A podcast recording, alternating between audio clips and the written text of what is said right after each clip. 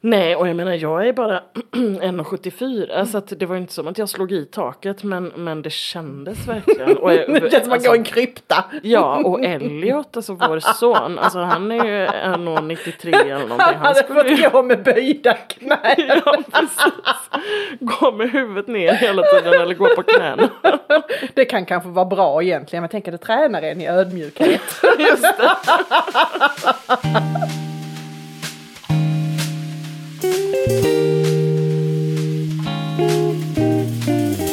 Välkomna till Annorlandet. En podd om att välja ett liv på landet med allt det underbara men också allt det skitjobbiga som det innebär. Stämmer den bonderomantiska drömmen? Ja men det är det vi ska utforska i den här podden. Och ni kommer att träffa mig, Anna Lidbergius. Och mig, Anna Tenfelt. De två Annorna alltså. På landet. Annorlandet. Hallå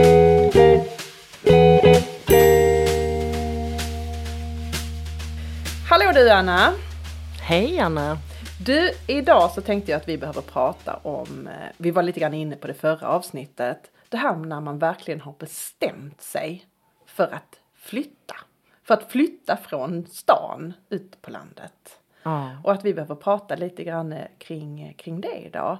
Vad var det som gjorde att ni bestämde er?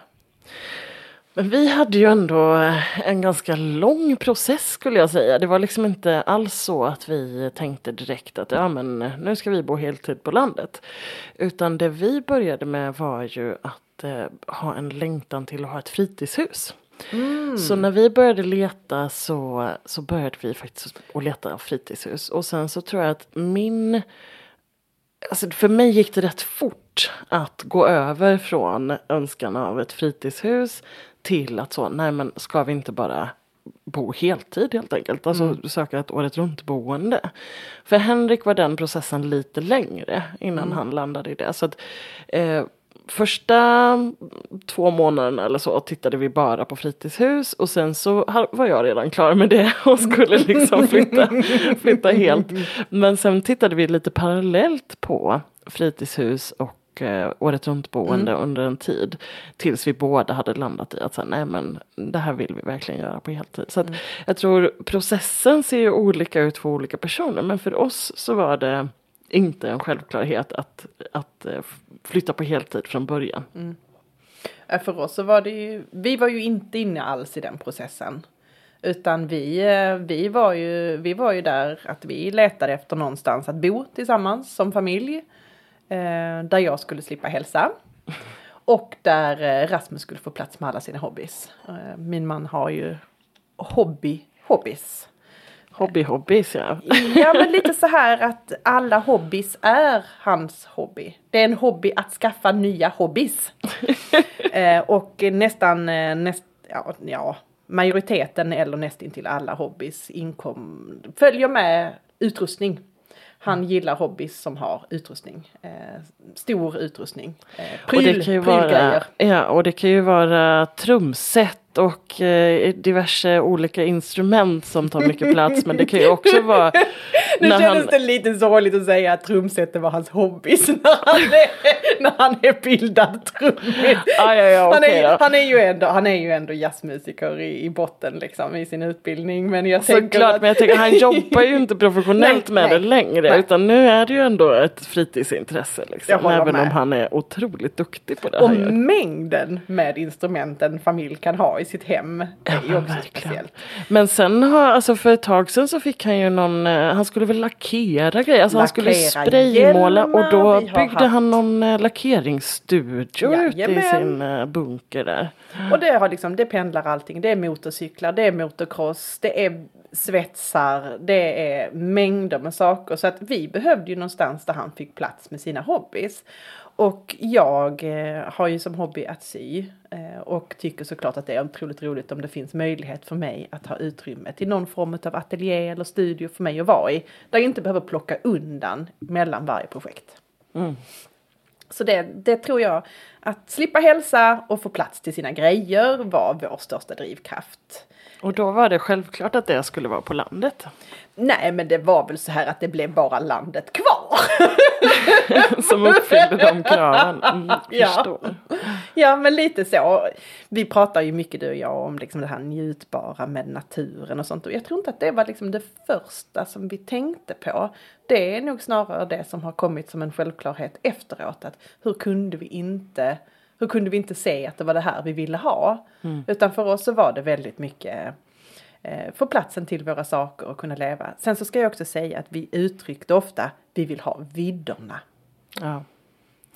Ja, för mig var det ju verkligen längtan till naturen som Mm. drev vår eh, initiala, liksom, att vi bestämde att flytta ut. Eh, närheten till naturen, möjligheten till ett annat liv och sen Mm. så har ju jag den här drömmen om självförsörjande och alltså jag är ju verkligen en månskensbonde som liksom vill, eh, men vill, vill kunna eh, driva så mycket som möjligt ute på vårt eget boende, vår egen gård. Sen så har ju, eftersom vi driver egna företag också, så för oss var det ju också en möjlighet att eh, skapa någonting själva i vår verksamhet och att använda platsen, den fysiska platsen till att göra någonting annat än att bara bo på.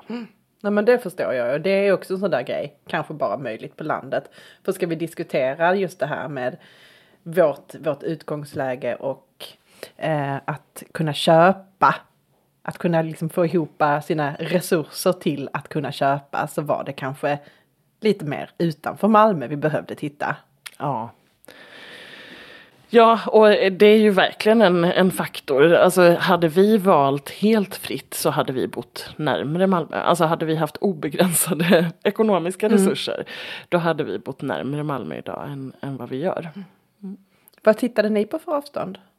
Vi började med att säga att vi skulle vara max en halvtimme från Malmö och sen så växte det till max 45 minuter från Malmö och nu bor vi ju ganska precis 40 minuter med bil då och det tar 40 minuter knappt med tåget också.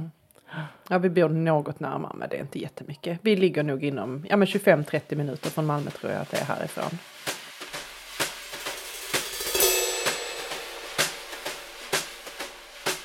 Eh, jag tänker att vi letade ju, nu, nu hittade ju ni en avstyckad gård. Och vi letade också avstyckade gårdar i början på vårt letande. Eh, då kan vi också tillägga att då låg ju Rut i magen på mig. Och vi var väldigt romantiska kring liksom, vad är det vi ska kunna erbjuda för, för en barndom. Och hur fantastiskt det hade varit om ens barn hade kunnat rulta omkring här ute. Men det gjorde ändå att vi var lite återhållsamma med våra vildaste drömmar. För någonstans så tänkte vi, ja, där kommer att komma ett barn. Kommer det komma fler? Eh, är det kul för ett barn att bo helt ensam, helt avskild? Eller vill vi ha någon form av närhet ändå till ett litet samhälle där kanske det finns en skola så att när de blir lite större att man kan cykla till sina kompisar. Så det vägde vi, fick vi också väga in en hel del när vi letade. Och där låter det ju som att ni pratade, kommunicerade mycket med varandra om så här, okej men vad är det vi är ute efter och vad är viktigt för oss? Vad är viktigt för dig? Vad är viktigt för mig? Och vad är viktigt för resten av vår familj? Och det tänker jag är en jättestor del och en viktig, viktig process eh, som man går igenom tillsammans. Där en så här, ja, men behöver skapa en gemensam vision och gemensam bild av vad är det vi letar efter. För att det finns ju hur mycket som helst. Eh, vi kallar ju det här avsnittet för Hemnet Träsket. eh, och det, det, alltså det krävs en hel del eh, avskärmningar på så, men vad är det vi vill ha? Vad kan vi tänka oss att kompromissa med och vad kan vi absolut inte tänka oss att kompromissa med? Mm. Nej men eller hur. Det, och det var ju någonting vi pratade om hela, hela tiden, jag och Rasmus. Vad är det faktiskt vi letar efter? Vad är det vi vill ha? Och vad är det vi kan få utav det som är möjligt? Jag frågade ju dig innan, vad, när, ni, när ni började leta, vad, vad, är det, liksom, vad, vad var det ni letade efter? Ja. Ja, men jag tror att eh, alla har ju en lista eh, på saker. Så här, det här och det här och det här vill jag ha och det här och det här och det här vill jag inte ha. Eh, och sen så finns det ju vissa grejer på den listan som är viktiga för en. Alltså för oss var det så, ja men vi vill inte behöva renovera, göra en totalrenovering det första vi gör. Mm. Utan det ska vara ett hus som är i gott skick. För oss var det också viktigt att ha ekonomibyggnader som vi kunde framöver utveckla och använda till verksamhet på ett eller annat sätt. Vi ville ha relativt stor mark var också viktigt för oss. Vi, vi ville inte kunna se våra grannar. Mm. Och alla de grejerna blev ju uppfyllda och sen som jag sa innan så först började vi med 30 minuters avstånd till Malmö och sen vidgade vi det då Mm. till 45 för att vi märkte att ja, men inom 30 minuter så hamnar vi i en för hög prisklass helt Ja. enkelt om vi ska få allt det som vi faktiskt vill ha. Eh, men sen hade vi också massa andra grejer på listan som att jag ville bo precis vid skog. Nu har vi, tar väl fem minuter för oss att åka till skogen och det är ju inte precis utanför huset men det är ändå nära. Så Ja. det är en kompromiss vi gjorde. Jag ville bo precis vid, va- alltså min, min dröm är fortfarande att någon gång i mitt liv ha en sjötomt. och, eh, Ja, då får det komma ordentligt med regn till er. Ja, precis. Nej, men det fick vi ju också kompromissa med. Nu har vi ju en pool istället då, så att vatten finns, men, men inte naturligt vatten. Nej, men det var flera andra sådana grejer såklart som, som var önskemål men som gick att kompromissa Mm. kring. Vad hade ni för kriterier när ni skulle flytta ut? Ja, för oss var det, var det väldigt viktigt att det inte var trafikerat. Alltså många av de husen vi tittade på eh, låg ut med så här 70, 80, 90 vägar. Eh, och det var inte intressant för oss. Nej, vi gick inte ens på de visningarna till slut. Alltså vi, jag vet att vi gick på ett par stycken där huset såg helt fantastiskt ut och där liksom bara, jo men vi testar och den är säkert inte så trafikerad den Precis. 70-vägen och så. Men vi bestämde oss rätt fort för att säga nej, absolut inte nära en väg och inte nära en tågräls. Nej, för det känns inte roligt. Man känner sig inte fri på samma sätt när man har trafiken in på sig. Eh, I alla fall kände inte vi så. Sen eh, letade vi ju mycket efter eh, hus med ekonomibyggnader, precis som ni. Ehm, men för oss handlade det nog mer om att vi ville ha ett, ett visst antal rum i huset. Där behövde liksom uppfylla kraven på att sovrum till oss, eh, bra levnadsytor för familjen, minst två barnrum, eh, Eh, ett rum till studieateljé för mig och ett hobbyrum till Rasmus. Och kunde vi hitta det så klarade vi oss utan ekonomibyggnader. Sen var såklart ekonomibyggnaderna mest önskvärda. Eh, sen var det också pendling till Malmö för oss. Eh, jag jobbade ju fortfarande i Malmö när vi flyttade och det kände jag att det, jag kunde inte lägga hela mina dagar på att pendla. Det var, det var jätte, jätteviktigt, men precis som det inte någon större renoveringsmängd utan ett hus som kändes rätt så färdigt att flytta in i. Man kan ha, det kan vara fult och det kan vara skavt på vissa ställen men att funktionen... är det vårt Alltså det är signum? som att jag har smittat dig med någonting här. Funktionen skulle vara där, ja men det är viktigt. Funktionen är toppen. Men där fanns ju mängder med saker som vi kände att vi kompromissade bort. Eh, Jag kompromissade ju bort eh, också, precis som du säger, skog. Eh, Jag kompromissade bort större ekonomibyggnader. Jag kompromissade bort ja, men, känslan av att ha det lite omgär, mer omgärdat. Vi har, ville vi ha vidderna så har vi verkligen fått vidderna. För här är ju inte någonting som stoppar en vindpust i vår, i vår närhet. Där finns inga dungar. Eh, vi har rätt så dåligt med promenadvägar. De är rätt tråkiga. Här är någon liten slinga liksom på en cykelstig eller en tråkig grusväg. Men det är bara platt. Eh, så att vill man ha lite skiftningar i naturen så måste man åka härifrån.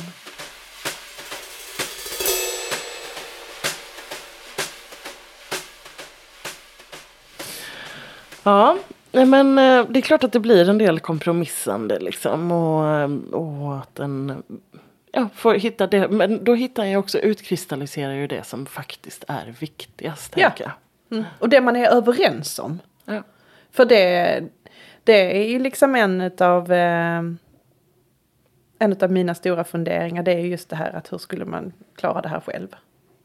Mm. Mm. Så man måste ju vara lite överens om vad det är man vill ha.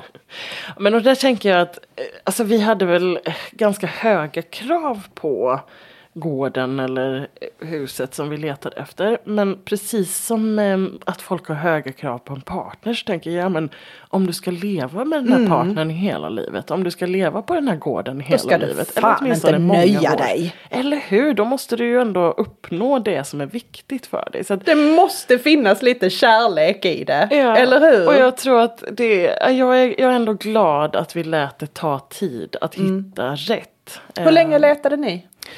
Vi letade i två år lite drygt. Ja, det är ungefär som vi. Ungefär två år la vi också ner på det.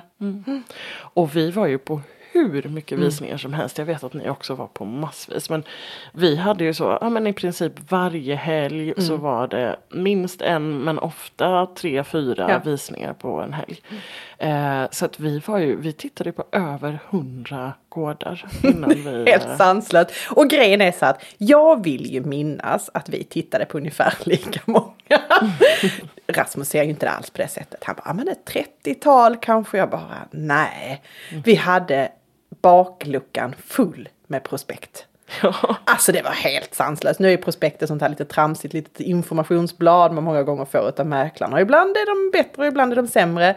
Men det kan också vara lite intressant att behålla dem under sitt letande för att man tittar faktiskt på vad var det vi tyckte om här? Vad var det vi inte tyckte om? Precis som du pratar om det här att utkristallisera, vad är det vi faktiskt gillar? Du Anna, jag ska berätta en sak för dig som jag inte har sagt. Mhm. eh, kom jag på. Jag var på visning igår. Av en gård. Springer du fortfarande? Nej, det Du gör har inte jag fått nog! Nej, jag gör inte det egentligen. Eh, och jag har definitivt tagit bort Hemnet-appen sen Mm. vi eh, skrev på vår, på vår gård. Men det finns en gård till salu som bara ligger fem minuter från oss. Som, eh, men som är jättefin, ett jättevackert gammalt korsvirkeshus. Eh, som vi åker förbi nästan varje dag. Och det ligger ute till salu och det ligger så otroligt högt i pris. Oj! Eh, de har lagt ut det för 5,4 miljoner. Och det har mycket mindre mark än vad vår gård har.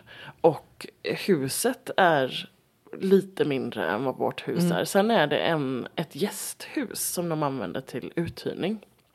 Eh, men, men jag kände att så här, men jag måste se det här huset för att se vad det var som var så fantastiskt. Och det var så kul att efter ja, men, ett och ett halvt år då, sen vi slutade gå på visningar, sen vi vann budgivningen på vår gård. ehm, senare att, att gå på en visning och jag kände bara så, gud vad glad jag är att jag slipper hålla på och springa på de här visningarna hela tiden. Nu törstiga. Vad har ni i glaset idag? Nu har vi hällt upp nytt gott i glasen. Det Och- har vi. Och idag bjussar vi på någonting som är alkoholfritt och som både du och jag gillar eller gillar väldigt mycket. Ja, alltså vi är ju båda två, eh, ska jag inte säga besatta, vi eh, tycker väldigt, väldigt mycket om ingefära båda två. Jag tänker att besatthet var rätt så rimligt. Det är så gott. Så vi Ja, har då eh, slagit upp en, en ginger beer. Det här är Icas, Ica Selections. Jag har aldrig provat den innan. Men jag tänker vad kan gå fel? Eller vi är ju rätt så är ju Mm. alltid gott och ingefära är alltid Och så läskande. Mm. Vi tar slurk.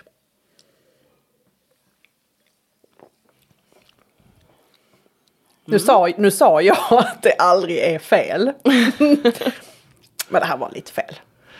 Alltså jag ska säga så här, jag tyckte den var god. Alltså för mig är det här mer en läsk. Liksom. och, och ginger beer är inte eh, riktigt en läsk för mig. Men jag tyckte att den var helt okej. Alltså den är definitivt bättre än en annan läsk så här på sommaren och något svalkande.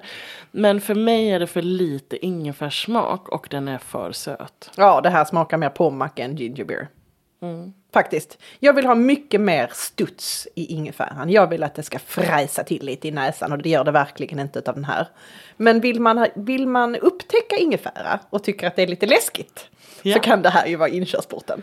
Absolut, så vi säger eh, helt okej, inget vi kommer köpa igen kanske. Nej. Men om man vill börja dricka ginger beer så är det en toppen, toppen dryck. Ja, ah, vi dricker upp den då. Skål!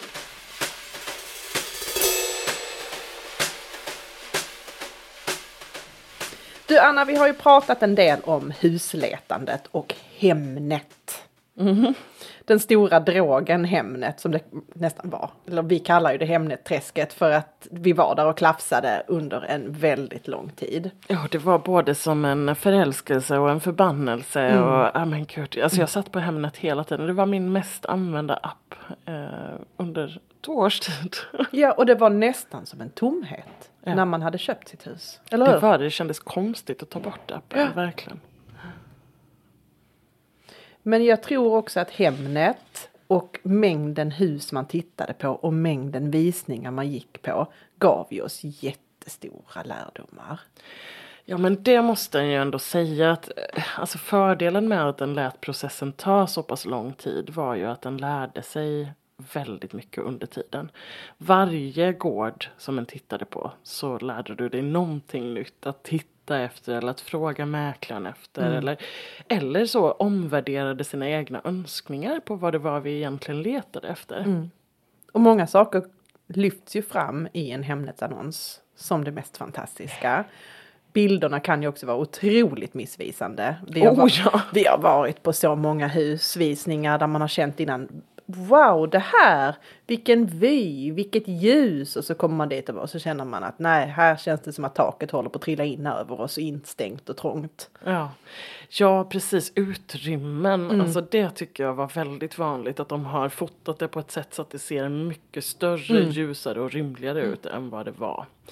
Eh, men det lärde han ju sig också efter ett tag att tolka bilder. Så har, ser jag att de har tagit den här bilden i en vinkel som är till för att det ska se ut som att det är större än vad det är. Och så där. Så att Då är det nog rätt så ihopatryckt. Ja.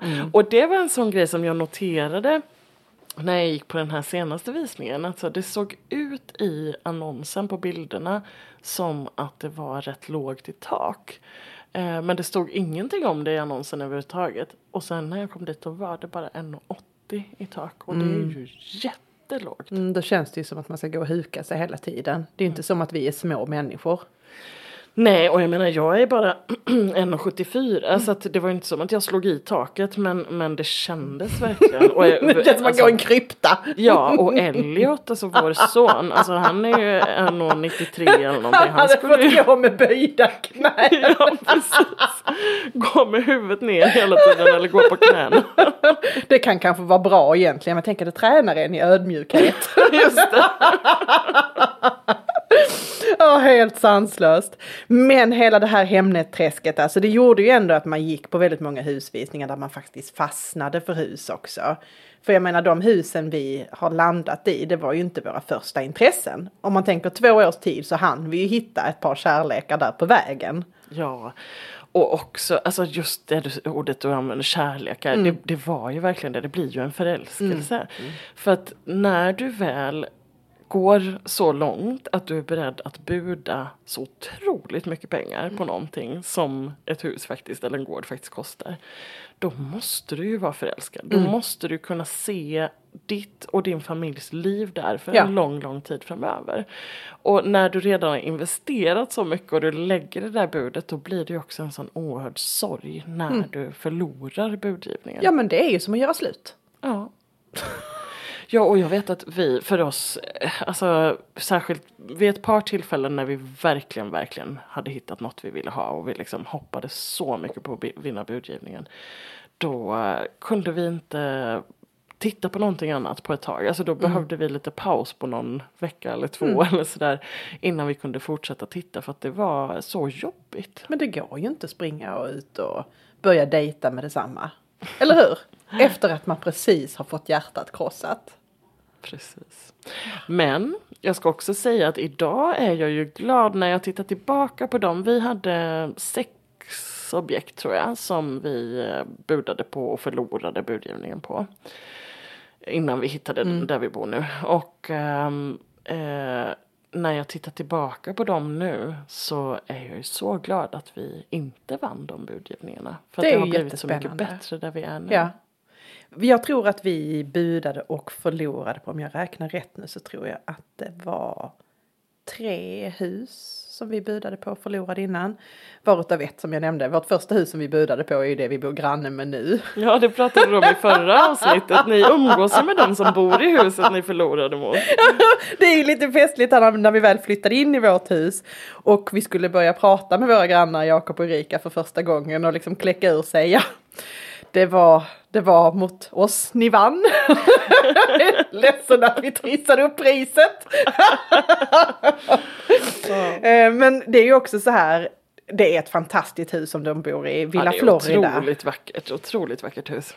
Eh, Men det är ju också ett hus som är anpassat efter eh, människor som verkligen kan det här med byggnadsvård och ta hand om de här. Det är en parkträdgård och de har ju gjort allting rätt. Och jag kan ju säga att Rasmus och jag, vi hade varken haft tid eller energi att göra hälften av det de har gjort. Eh, det huset hade blivit vår död. Eller i alla fall vår skilsmässa.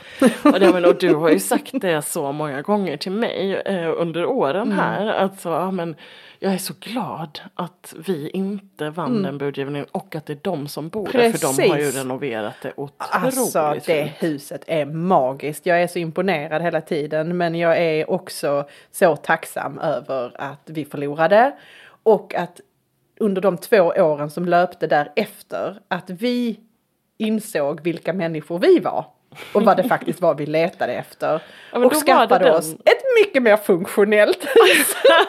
Just det, men då var det den lärande processen. Att Ja, ni, ja. Ni, hade, ni hann liksom titta på Mm. ett gäng andra objekt och sen så revidera Mm. eh, era önskemål och liksom bilden av vad ni skulle ha. Mm, Ja, men jag tror verkligen att det är bra, alltså även om det känns frustrerande såklart att, eh, ja, men att det tar tid. För att när en väl har bestämt sig så vill en ju gärna att det ska gå snabbt. Ja, ja. Men att det tar tid men också just de här sorgerna som kommer när en förlorar budgivningen. Men Mm. jag tror ändå att det är bra.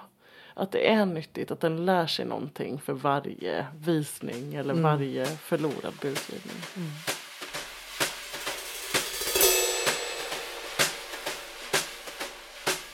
Sen kan man ju också, Anna, man kan ju också få eh, lite sorg och lite väntan som man inte själv önskar. Och ni hade ju ett sånt skräckexempel. Ah, det var fruktansvärt. Vi hade haft eh, lånelöfte hos en bank eh, under då två års tid under hela tiden vi hade letat. Och eh, eh, det kändes ju jättestabilt. Vi hade kontakt med dem och förnyade lånelöftet ibland för att vi skulle buda och sådär. Eh, och sen så hade vi då vunnit budgivningen på den gård som vi bor på nu. Och så ringer min man Henrik ringer till vår bank och säger ja men nu har vi vunnit budgivningen, vad är nästa steg här liksom. Eh, och då visar det sig att de lånar inte ut pengar till lantbruksfastigheter. Vilket jag ändå tycker är lite märkligt att de inte kläckte ur sig tidigare. För att vi har ju hela tiden varit tydliga med att vi letar efter hus på landet. Och nu är det ju inte att huset ligger på landet som gör att det definieras som en Nej, lantbruksfastighet. utan det är liksom fastighetstaxeringen. Eller, Precis, och, och beroende på hur mycket mark du har då. Och om du har mer än två hektar mark som ju vi har. Då taxeras det som en lantbruksfastighet. Ehm, så plötsligt så stod vi där och hade vunnit en budgivning. Men hade inte en bank. Och Henrik var iväg på turné. Eh, när, han, när han fick det här beskedet så vi var inte ens tillsammans. Och han ringde och var ju såklart helt förstörd. Ehm, och då var det ju bara att ge sig på nästa bank helt enkelt. och som tur var så löste det sig rätt snabbt. Ehm, Men det är ju ändå en viss oro i magen. Ja, verkligen. Jag kommer ihåg vi pratade och du var helt knäckt. Ja.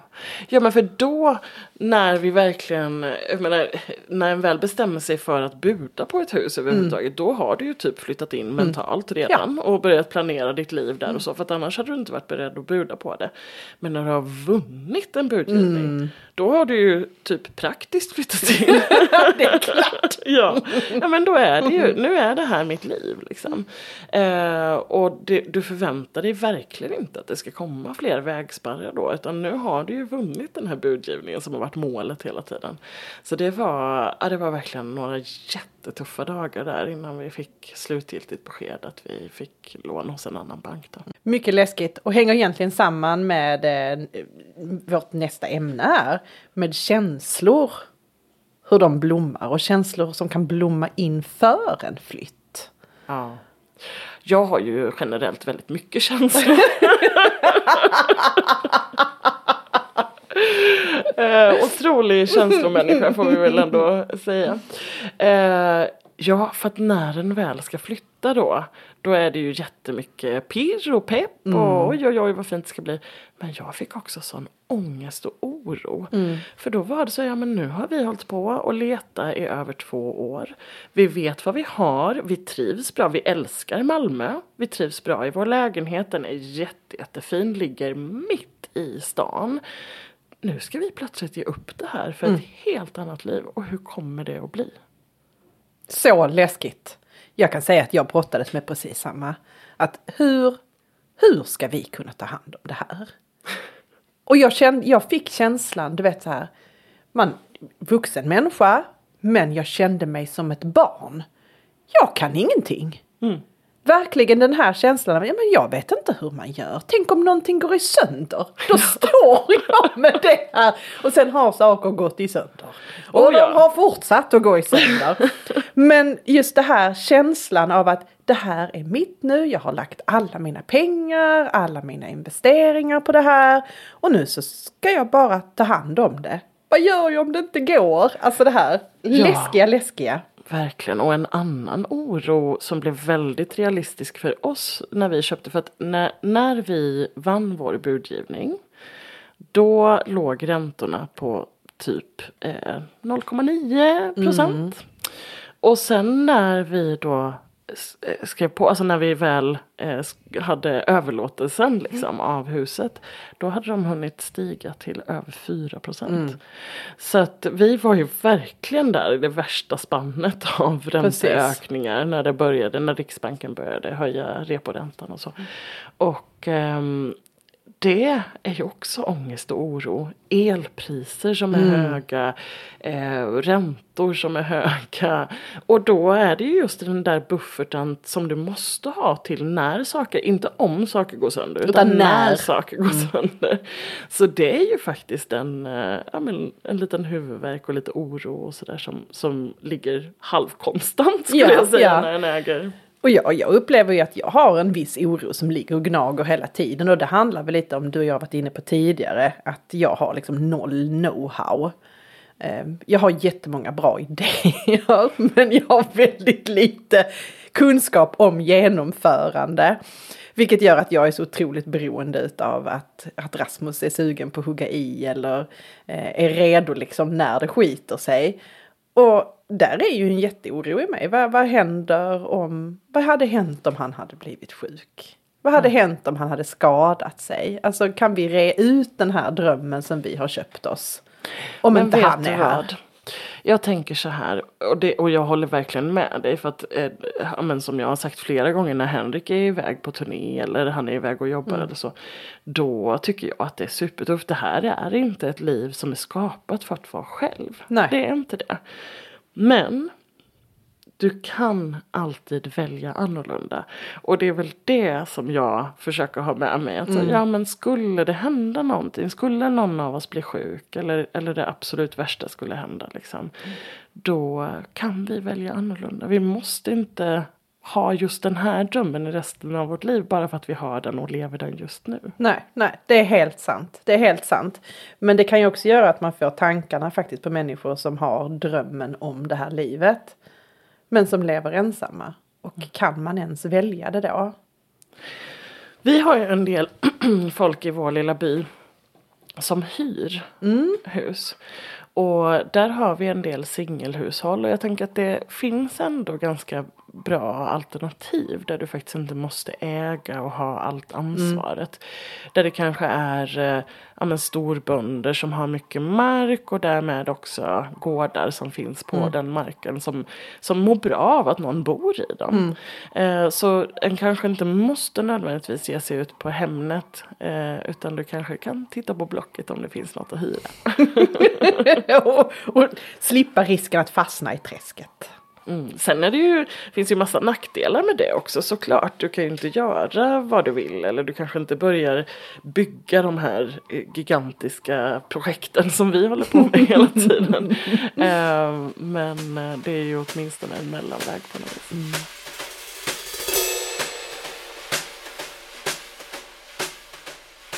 Anna, i början av avsnittet så pratade vi om hur viktigt det är att kommunicera med sin familj, kanske framför allt sin partner, men i vårt fall var det ju också väldigt mycket med våra barn om vad det är som är viktigt med vårt boende. Eh, men jag tänker till syvende och sist så är det ju ändå föräldrarna faktiskt som avgör. Alltså det är ju vi som ska skapa det här tillvaron för hela familjen och det är dessutom vi som ska betala kalaset. Ja. Eh, men jag är lite nyfiken på era barn hade ju inget val överhuvudtaget med att bo på landet. Och nu har vi ju Nej. fått höra att de trivs ju väldigt bra och skulle inte kunna tänka sig att bo i stan. Men tror du att det är någonting som de saknar eller skulle önska sig att ha här ute? Spännande fråga. Vi tar och frågar dem. Annorna frågar. Någon annan? Hej Siv och Rut! Hej. Hej. Hörrni, jag har en fråga till er. Ni bor ju här på en gård på landet. Och ni har ju massor av grejer som ni tycker om och så. Men om ni skulle få välja någonting mer som skulle finnas på gården. Vad skulle det vara för någonting? Små grisar. Ja. Definitivt. Ja. Perfekt. Jag tänker så här, det ingår ju inte riktigt i när en köper gård. För ni kan ju köpa grisar och ha här, eller hur? Men det ska Ja. vi också. Det ska ni, vad härligt. Ehm, men om det skulle vara något liksom byggnadsmässigt eller plats, alltså eh, naturmässigt eller så som skulle vara annorlunda, vad skulle det vara? Eh, eh, mer träd i trädgården. Och Fler en träd. svampodling. En skog med svamp i? Ja. Och så eh, kan det växa lite em, kanske jordgubbar runt huset och eh, tomater. Men tomater har vi ju redan. Men, Och jordgubbar har ni också så det är toppen. Gud vad bra! Det låter som att ni redan tycker att det finns väldigt mycket av det ni önskar er. ja. Tack så hemskt mycket för att vi fick fråga er.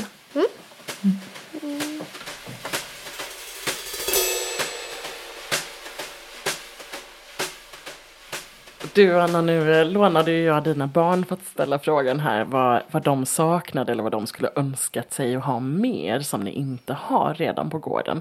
Och jag tyckte de verkade väldigt nöjda med sin tillvaro. Det, det tycker jag också. Eh, det kändes som att de i princip bara vill ha mer utav det som vi redan har. Ja men precis. Fler djur och mer odling. Ja men det var väl helt underbart. Ljuvligt. Jag tänker också att en stor skräck hos mina barn, det här händer rätt så ofta, att vi åker förbi någonstans och så säger jag kolla vilket vackert hus där ligger, så fint. Och det första barnen säger är vi ska inte flytta, vi ska väl inte flytta. så att jag tänker att de trivs ändå rätt bra. Ja, magiskt ju. Ja, men då tänker jag att vi alla är rätt nöjda för tillfället och inte behöver ge oss ut mer på Hemnet. Men att vi ändå rekommenderar de som har drömmen att låta det ta lite tid. Att gå på alla de där oändliga mängder visningar och läsa alla de där prospekten och samla på sig dem.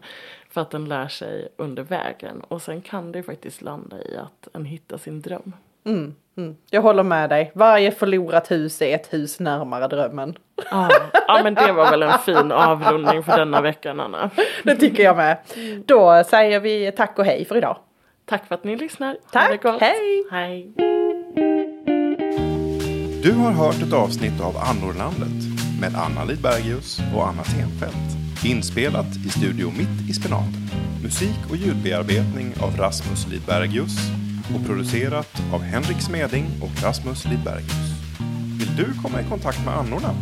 Skriv till dem på hejatannorlandet.se eller på Instagram. Annorlandet presenteras i samarbete med Amplify Management.